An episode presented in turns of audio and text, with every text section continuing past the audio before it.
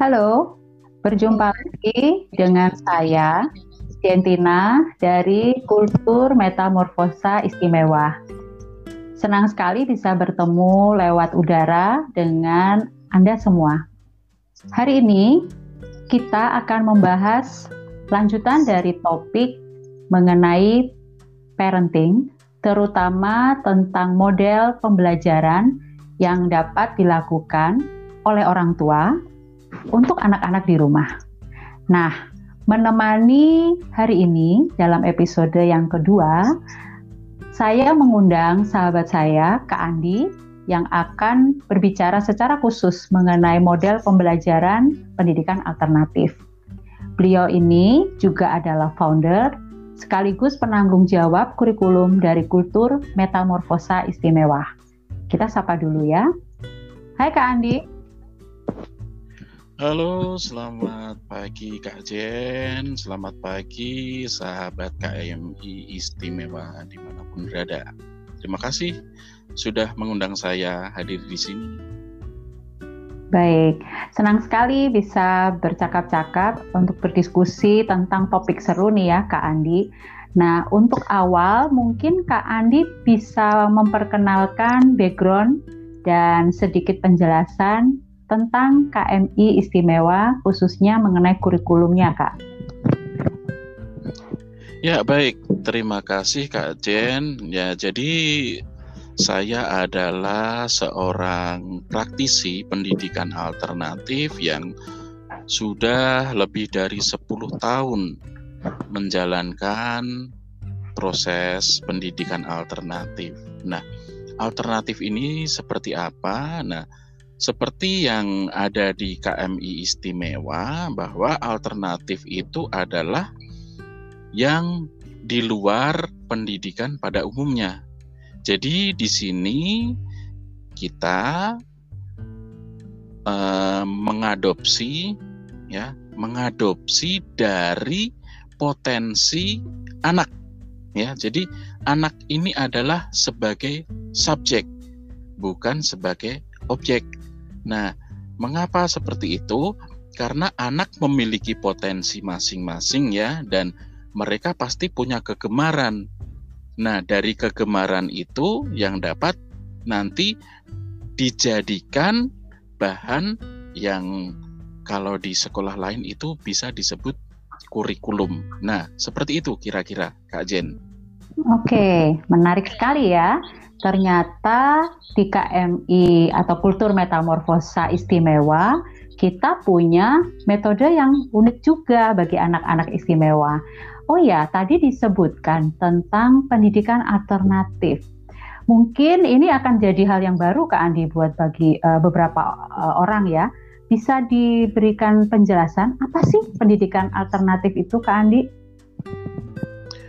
Ya, sebetulnya bukan hal baru ya Kak Jen. Jadi alternatif ini memang sudah ada sejak ya sejak manusia belajar. Karena ini mengacu kepada proses pribadi si anak masing-masing. Mereka punya kemauan atau ketertarikan belajar apa. Nah, di situlah letak alternatifnya bagaimana kita bisa memfasilitasi mereka. Jadi ini pribadi ke pribadi ya. Jadi bukan klasikal seperti proses yang selama ini terjadi karena kembali lagi anak dilahirkan beragam bukan seragam. Nah, di sini mereka mempunyai tema apa yang mereka pilih, mau mereka pelajari, kemudian mereka punya sumber dari mana, mereka punya narasumber dari mana. Nah, sedangkan tugas kami adalah mendampingi dan memfasilitasi proses agar anak menemukan keingintahuannya sendiri.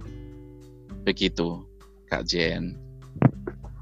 Nah, saat ini belajar kan dari rumah ya Kak Andi. Apakah ini bisa diterapkan untuk uh, proses daring maupun luring? Karena ini juga menjadi pertanyaan banyak orang tua bagaimana metode atau metode apa tepatnya yang bisa dilakukan bagi anak-anak? Karena tadi disebutkan proses belajarnya terutama di kultur metamorfosa istimewa akan sangat spesifik disesuaikan dengan keunikan masing-masing.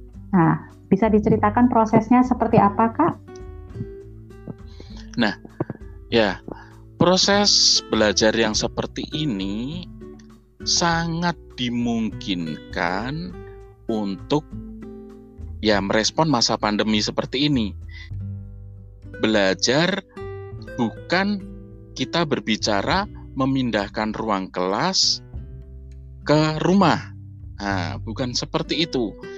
Ya, pandemi ini eh, serasa kehidupan kita semuanya proses belajar ataupun apa pun kita serasa itu dibuting ulang ya. Kita di refresh kembali dari kebiasaan-kebiasaan yang selama ini sudah terjadi. Nah, mau tidak mau kita juga harus bermetamorfosa ya saya bilang bermetamorfosa bukan karena ini kita berbicara di kanal kultur metamorfosa tetapi kita harus mengikuti perubahan itu jadi tidak relevan lagi jika si anak jadi siapa pun ya, bukan hanya yang istimewa itu untuk mereka harus uh, tuntas di capaian tertentu. Nah, itu akan sangat sangat merepotkan baik bagi anak, guru dan saya yakin orang tua juga akan kerepotan.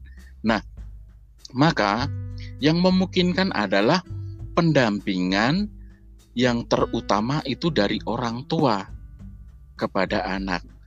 Jadi mulai proses bangun tidur sampai dengan nanti si anak tidur kembali. Nah, itulah yang dijadikan sebagai proses belajar. Nah, jadi tentunya pasti ada batasan-batasan apa yang harus diceritakan. Mungkin anak berani mengungkapkan gagasan. Nah, itu sudah sebagai proses belajar sendiri. Anak menemukan di sekitar rumahnya, loh, itu ayamku tadinya dua sekarang jadi lima oh tambahnya berapa nah itu sudah bisa dijadikan proses belajar lagi nah menghadirkan pengalaman-pengalaman seperti itu di rumah itu adalah hal yang paling relevan sesungguhnya dan di samping itu mengembalikan kembali fitrah pengasuhan anak terhadap orang tua. Jadi sistem metode Among itu yang diperlukan. Even kalau dia belum bisa bicara atau belum bisa bergerak ya kak? Ya, apa pun. Nah, belum bisa berbicara, belum bisa bergerak, orang tua bisa mengajak berbicara, melibatkan dia. Misalkan, kamu mau apa sekarang? Aku mau minum. Misalkan dia menunjuk gelas. Oh, ini namanya gelas. Yuk kita ulang gelas sampai dengan ya nanti lama-lama dia pasti akan sensornya itu akan menyimpan pesan-pesan itu. Oke, berarti akan ada metode khusus ya Kak Andi, karena kan yang kita tangani adalah anak-anak yang unik ya dan istimewa, tetapi tetap mengedepankan metode Among tadi ya. Iya, betul. Jadi kita melihat kembali bagaimana sih kondisi si anak. Nah, kita adaptasinya di situ. Jadi tidak bisa menyamaratakan si A sama dengan si B nanti metodenya. Jadi lebih spesifik tentunya. Gitu Kak Jen. Baik, terima kasih Kak Andi. Karena waktu kita akan selesai untuk episode saat ini, tapi kita akan sambung lagi ke episode-episode berikutnya. Ada pesan Kak Andi untuk orang tua dan anak? Ya, Berproseslah selama hal itu dimungkinkan dan tidak perlu terpancang waktu khusus. Waktu apa pun dapat digunakan sebagai bentuk komunikasi cinta, menumbuhkan rasa keingintahuan dan sebagai proses belajar. Baiklah, terima kasih Kak Andi. Kita jumpa lagi. Kita jumpa lagi dalam episode berikutnya. Terima kasih. Bye bye.